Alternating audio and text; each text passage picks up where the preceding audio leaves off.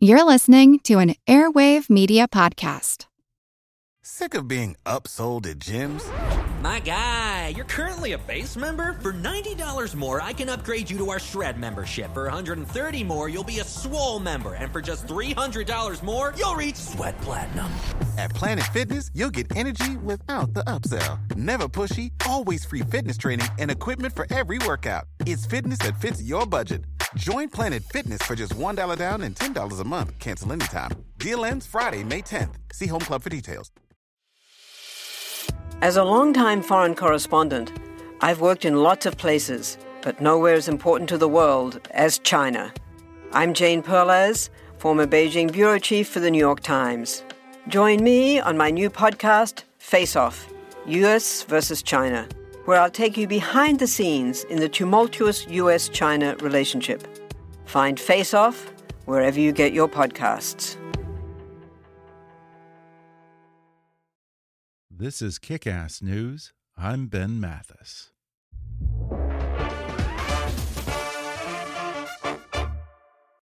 Staying a step ahead of cyber threats can be the difference between thriving and being thwarted. Afternoon Cyber Tea with Ann Johnson has insights for cybersecurity decision makers striving to succeed amid rapid change. Each week, Ann Johnson, Corporate Vice President for Cybersecurity Solutions at Microsoft, talks with key security experts to explore perspectives on implementing new tech, next generation security risks, and the current and future state of the cybersecurity industry. Afternoon Cyber Tea is available on Apple Podcasts and Podcast One. Charles Ingram. Are you ready to play?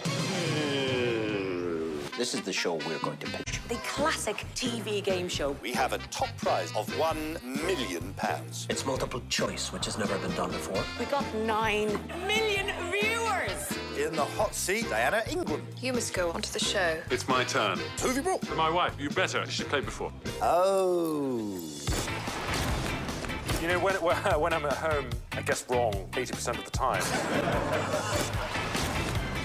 Okay, something's weird. My strategy has worked so far. He's a real dodgy one. Normal people don't play like this. Charles, for one million. Guilty! I'm calling the police. We're placing you both under arrest. Charles Ingram is completely innocent. Ladies and gentlemen, Charles Ingram. Let's play Who Wants to Be a Millionaire?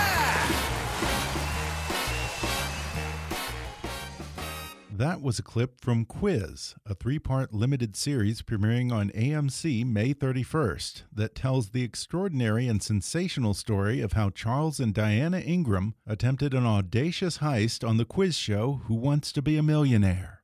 Major Ingram, his wife Diana, and a third accomplice who was sitting in the audience were accused of cheating their way to a million British pounds on what was the most popular game show on earth in 2001. The couple stood trial in England for conspiring by coughing during the recording to signify the correct answers to the multiple choice questions posed to the Major by host Chris Tarrant. At least that's the version you've heard in the media. But now Quiz throws some doubt on that theory while at the same time exploring the rise of obsessive fan culture and the lengths to which TV networks will go for big ratings.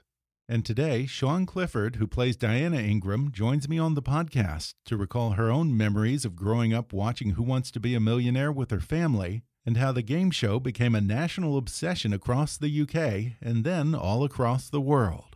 Sian talks about getting to work with Michael Sheen and Matthew Macfadyen of HBO's Succession, what it was like to feel the tension when she sat in the Who Wants to Be a Millionaire hot seat, and what she hopes will happen when Charles and Diana Ingram's conviction is up for appeal later this year. Plus, she talks about her Emmy nominated role as Claire in the hit television series Fleabag and her longtime friendship with the show's creator and star, Phoebe Waller Bridge. Coming up with Sian Clifford in just a moment.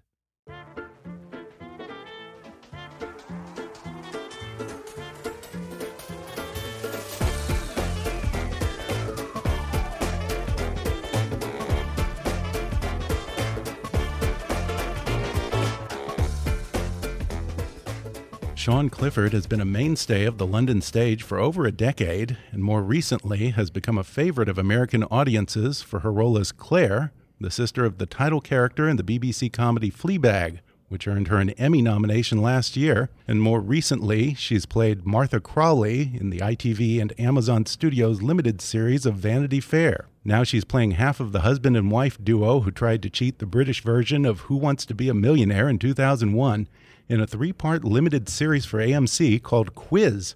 Sian Clifford, thanks for joining me. My pleasure. Hello.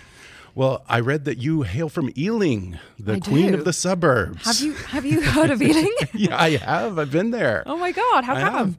have. Um, you know, I was going to Ealing Studios once. Of course, It's probably easy to guess, but Mhm. spent some time there. Went to Broadway, the mall. Um, oh my God! What was it? The North Star Pub. Have you ever wow. been there? Yes, I have. Okay. Yeah, I so- spent much of my youth in oh, the North really? Star. Yeah. that was a charming little place. I loved it. yeah, yeah, so lovely. So, how long have you lived? Do you still live in Ealing? No, I do not. I've abandoned Ealing. I'm sorry, sorry, Ealing. Okay. Um, uh, no, I just, I, I think I just have that typical kind of association from my youth with it. So Yeah. I'm, I'm now in, uh, I'm actually southeast London. Uh, now. Oh, okay, Yeah. wonderful. I love London. By the way, ran, too. totally random fact: Ho Chi Minh was a dishwasher in one of the old hotels in Ealing for a few Okay. years. Apparently, I don't oh, know how I know that. I have no idea where I know that. Never but- knew that. Yeah. Now, you know, of course I'll take that one back with me. yeah, yeah, too. and, and of course, you have Ealing Studios, famed for the early Ealing comedies, and I think Yeah. Doctor Who shoots there. Was any of your desire to go into entertainment influenced by your proximity to that legendary place? It wasn't, and to be honest, I No. didn't know about it until Oh, really? I was an adult. No, my No my influences were predominantly theater Mhm. um, growing up, and uh, yeah, that's that's where my love of acting came, and um, yeah, my kind of love of screen that I have now uh, has come much later. So yeah, there's a lot of theater. When did you first decide that you wanted to go into acting? Um, genuinely, I was about um, seven years old. Um, Really? So yeah, I uh, I went to like a little local uh, theatre group that my older sister was already attending. And uh, they would do a show every year. So I played a Munchkin in The Wizard of Oz, and uh, so like a rite of passage uh, for all actors, I think. And uh, uh, and then I got a little spooked, and uh, and so I uh, decided I didn't want to go back the next year. So instead, I just went and watched my sister. Uh-huh. And I sat in the audience with my mum, and I realized, uh, and I, I've only like become conscious of this as an adult, but I know that when I was watching, them doing The Little Mermaid, I had this overwhelming feeling that I needed to be up there Yeah. and not here in the seat that I was in. And I, I do say it like I'm in the present because it's still, I can feel it as Really? as strongly as that. And Really? um, so that was the first moment. Then there were other sort of key moments. I saw, um, I actually saw Clarke Peters in uh, a production Oh. of Guys and Dolls at the National Theatre Oh, yeah. that changed my life when I was 14. Uh, there was a school production of Arthur Miller's The Crucible. There was another huge uh, moment in my life. I was in a production of Little Shop of Horrors at school. So there were lots of like cumulative Yeah. moments. I, I saw that you did Beauty and the Beast too, so you can sing. Well, um, I can sing, although I'm not very confident about singing. But I, it wasn't a musical version. It was a, Oh, okay. It was a very dark feminist um, retelling. Oh, of even better. Beauty and the Beast. Yeah. Oh, how so, fabulous. So my character was called Beauty, not Belle, and uh, and she tore off her dress and had very very cool trousers and braces on underneath, or suspenders you would call them, I think. Yeah. And I read that you met your Fleabag creator and co-star Phoebe Waller-Bridge while you were at the Academy of Dramatic Arts. Is that right? Yes, indeed. What, was she like back then? as dreamy as she is now. Yeah. yeah, yeah. I mean, she was my best pal there. Um, yeah, we hit it off right away, um, and and we've lived to tell the tale. So Yeah. uh, yeah, it's been a wild ride. Yeah, I, I read that you've been experimenting with some version of your character Claire long before the TV series came along, right? Yeah, sh- there was an incarnation of her in a in a, an early sketch of something that Phoebe wrote. So I've been playing Claire for yeah over ten years now, Mhm. and um, but what a what a way to end it. Yeah, yeah, for sure. Yeah. now I'm curious. Have you talked to Phoebe about why she decided to end it, and would you have liked to have seen a third season? No, we're we're all pretty. You know, we're digging our heels in more and more now. Yeah. The, the story is complete, and we're we're very happy to sort of to let it go. We're going to continue to collaborate on things, um, but yeah, no, Fleabag Yeah. is no more. I'm afraid. Yeah, well, Yeah. I'm sure you got lots of things to look forward to. Now, well, yes, indeed. that character Claire is so tightly wound up.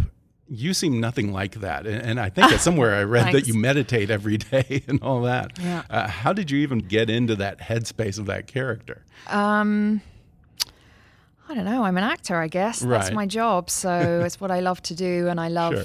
to play people that as, are as far-reaching from me as possible because that's what expands me as a human, and that's where I can learn the most and evolve the most. And uh, and a lot of people have told me how they've perceived Claire, but I never.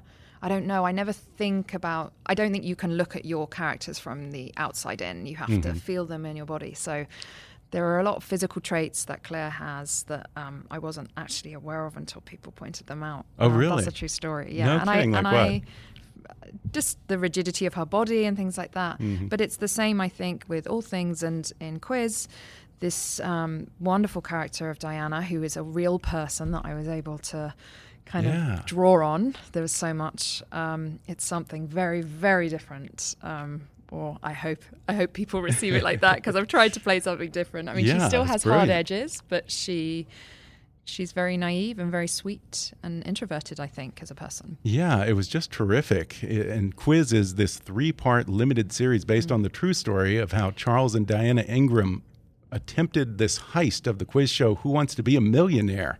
Well, we uh, we don't know if they did for sure, and that's That's right. The That's part of ambiguous the question that we're going to.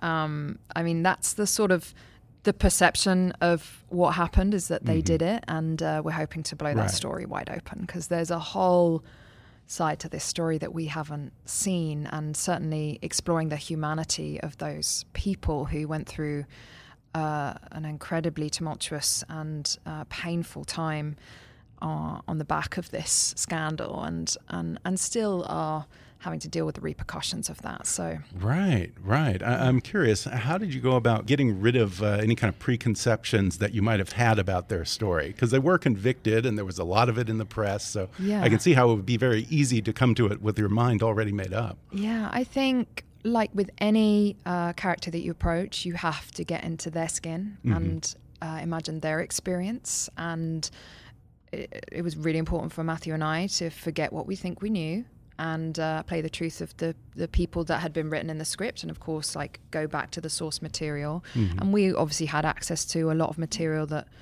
um, the wider public won't have done. That we were able to study them. Um, we got to meet them, which was wonderful. really? Yeah. That's interesting Um, because I could think that uh, the subjects of a film that you know talks about something that they were convicted for, rightly or Mm. wrongly, you know, they might not want to do that. No, they've been What were they very, like? very generous, incredibly sweet, and um, yeah, I think I think it probably is difficult for them. I don't know, but they've been very, very generous with with Mm-hmm. us and their time, and yeah, it was fascinating, and we we really wanted to, um, you know, we we were very careful um, and we wanted to be sensitive, really. Um, but actually, it was much easier than I thought because it was a sort of foregone conclusion about that they absolutely did it. And that's what's so fascinating about this story because as soon as you start digging, I mean, even just beyond the superficial uh, nature of it, you start uncovering all sorts of juicy Yeah. details that were left out of the press. So. Yeah, and I kept thinking that when I was watching it. Uh, And my wife is a lawyer, so we kind of argued Oh, about this because we were watching the trial scene, and I'm like, how can anyone 100% prove beyond a reasonable doubt what was going on in their in their minds at the time, and whether someone coughing, you know, Yeah. amounts to cheating, whether Well, they were love that- conveying information in a cough? I love that you said that because um, I think that's. The, I think there can be a lot of confusion over what beyond reasonable doubt means Mhm. to to just a, a regular person, and it wasn't until I don't know I watched a lot of shows that talk about that that you start to have a f- fuller understanding of what that means, and uh, there is just no way of knowing whether or not um, he knew the answers. It's not something you can prove. Um, yeah. So I think, yeah, there's a lot that's contentious and exciting to explore in the story. Yeah, and we forget how big Millionaire was when it first came Yeah. out, both in the UK and then in the US a few Yeah. years later. I, I didn't even realize it. In my mind, somehow I have this false memory that America originated Who Wants to Be a Millionaire and then the Brits stole it from us, but it's the other way around. Mm. It's the other way around. You guys Yeah, had we- it four years before us. yeah, we created it. I think it was created in '97, and um, so it was it was four years later that uh, that Charles went on. So Diana had actually been on to the show before Right. Charles went on, and her brother Adrian had been on. And uh, we look at all of that in the show because they they did have an obsession with with quizzes in general, but particularly with this game show. And I think they saw a way in to sort of you know they developed techniques i guess or they they were just privy to information so they were able to um i guess they wanted to get they wanted to get on the show and they wanted to win the money because they thought they could um ultimately We're going to take a quick break and then we'll return with more when we come back in just a moment.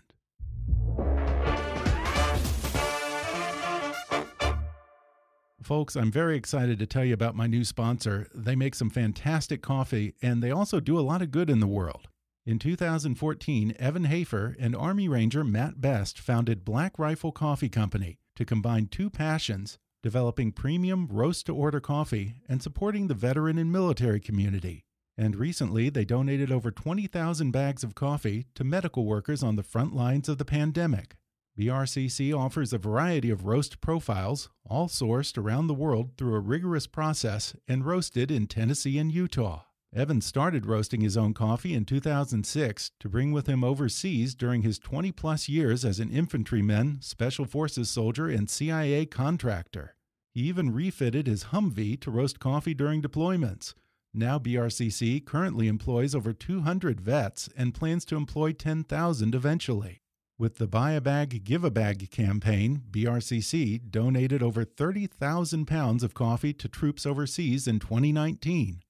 Join BRCC's Coffee Club, a free subscription where your chosen coffee is roasted, packaged, and shipped free to your door on your schedule. You also receive discounts and gain access to exclusive products, content, and more. Head to blackriflecoffee.com slash kick to order and use promo code KICK for 20% off. That's blackriflecoffee.com slash kick with code KICK for 20% off. It's interesting because your character, Diana Ingram, starts out sort of as just kind of a, a, a casual, passive fan of the show. Mm-hmm. And then she gets lured into this bizarre network of obsessive quiz show contestants mm. who have sort of this love hate relationship with the show that leads them to band together and conspire to circumvent the protocols and essentially crash Who Wants to Be a Millionaire. Yeah so there's a group of people called the syndicate and this is a this is a true story now um Did they actually call themselves the Syndicate? They were called the Syndicate. um, but Charles and uh, and Diana, we don't know for sure. Well, we sort of do and we don't. They were not part of the Syndicate. So Oh. Adrian knew about that group, but um, Adrian, who was her, Her brother, brother, is that right? yeah. Um, so again, it's all these tiny little details that sort of uh, have been have bled into the narrative, and uh, and we hope we will clear up a little bit. But um, but yeah, there was a, a group of people that just worked out how you could get on the show, and once you were on the show, what what you could do to maximize your um, chances of, of getting in the chair. Yeah, and that was fascinating because it seemed remarkably relevant to what we're seeing now 20 years later with mm-hmm. the obsessive fan culture that can quickly turn on their heroes and online hacking of movie studios and celebrities and the subversion of traditional media structures. Do you think that there's a through line that can be drawn from that incident way back in 2001 to this moment that we're in right now where the lunatics have sort of taken over the asylum? Well, I, I'm I don't know that I'm going to speak to that, but um, certainly I think something shifted in the world in 2001, and this uh, the night that Charles recorded um, the show was two days before 9-11 which is why it didn't get as much Wow. press coverage in this country Huh. um, but was a much bigger news story in the uk and um, and i do think that is that was a something shifted in the world that year and uh, Yeah. and and I do think yeah we are experiencing the repercussions of that Yeah. now to quite an extreme extent yeah Yeah, and I remember reading about the trial of the Ingram's caper or alleged caper in the Mhm. American news, but I don't think that it got nearly as much coverage as it did in the British press. Do you think that maybe that affords some opportunity for, at least here in the U.S., for us to come to it with somewhat of an open mind? Yeah, I'd love to think that. Um, yeah, the British press was in- incredibly biased against the Ingrams. There's, there can be no doubt about that. Mhm. And uh, uh, so much so that I think a lot of people think that they've seen the episode, but they haven't because it never transmitted um, Really? UK. No, it was never aired. And uh, there was a documentary made two weeks after their conviction by the channel that The same channel, ITV, them, yeah, right? ITV. um, which sort of you know hung them out to dry and explained how they did it. So there Mhm. could be absolutely no question in anyone's mind, and that's what a lot of people saw. Um, I believe, I mean, th- the ratings for that uh, that people tuned into that were higher than Princess Diana's funeral. Really? For that Yes, documentary? For that documentary. That's incredible. Uh, I mean, we mentioned that at the very end of the show. I, I might need to fact that fact check that one, but um, it was incredible. There was a huge amount of, of press interest. There was a real Yeah. storm of it, and uh, it's things like that that, de- like without question, influence the the trial. So it, it wasn't a fair trial. So regardless of whether they did it or not, I Mhm. think there's a lot to be called into question Yeah. as to whether as to how they were treated throughout that process. Yeah, yeah, and you must have been, I'm just assuming, probably a, a a teenager when Who Wants to Be a Millionaire first came out in, what, 1998, right? Did you have any memories of it? Was it big in your young, household? Yeah. Uh, yeah, it was huge in my household. Really? Yeah, yeah, we would, I would watch it religiously, and actually, even before um, I got this job, I. They have it on um, British Airways as a game you can play, and I play it all Oh, the really? time. I absolutely love it. Yeah. Um, so, yeah, huge fan, but not not to the extent of the Ingrams. Yeah, because apparently, I, I think that they said in the show that a third of the UK tuned in for that show. Yeah. That's incredible. Yeah, I think at one time they had. I mean, our population obviously slightly lower then, but um, yeah, I know they def- they definitely hit around 18 to 20 million Mhm. viewers at one time. Yeah. Yeah, at a time when I guess you could still do that. Uh, that'll probably never happen again now because media is so splintered. It is splintered, but there's a lot of incredible content Yeah, being that's true. made. Absolutely. Um, but as I understand it, they're bringing it back over here. Oh, are they really? Uh, They're Oh, bringing- okay. They're, they're relaunching it. Yeah. with Regis or someone else? well, with, Yeah. with Jimmy Kimmel, I've heard. Oh, wow. Yeah. Okay. Yeah, that's what I Okay. heard. And they have Yeah. brought it back in the UK recently with Jeremy Clarkson. So Yeah, yeah. You guys had a better host, though. I we had think. Chris Tarrant, who's played by Michael Sheen. Right. Um, in in our version, yeah, Yeah. he's absolutely fantastic. Yeah. Yeah, and Michael's so great. Mike, I feel like in, in the UK, pretty much any British celebrity has to be played by Michael Sheen if there's going to be a movie Oh, He's- version. He's, the go-to. Yeah. Yeah. No, and he's absolutely brilliant. I had no idea how they were going to try and um, because Chris Tarrant is. Uh, has blonde flat hair, Right. and Michael has a shock of dark, thick curls, and I couldn't fathom how they were going to do it. But um, they put a bald cap on him and then a wig on top, and it's so affecting. It just looks looks fantastic. yeah, he's he's just terrific. And what was it like working with Matthew Macfadyen of Succession? It was absolutely magical. He is um, beyond dreamy. Huge, huge fan of Succession, who we've the Fleabag family have adopted.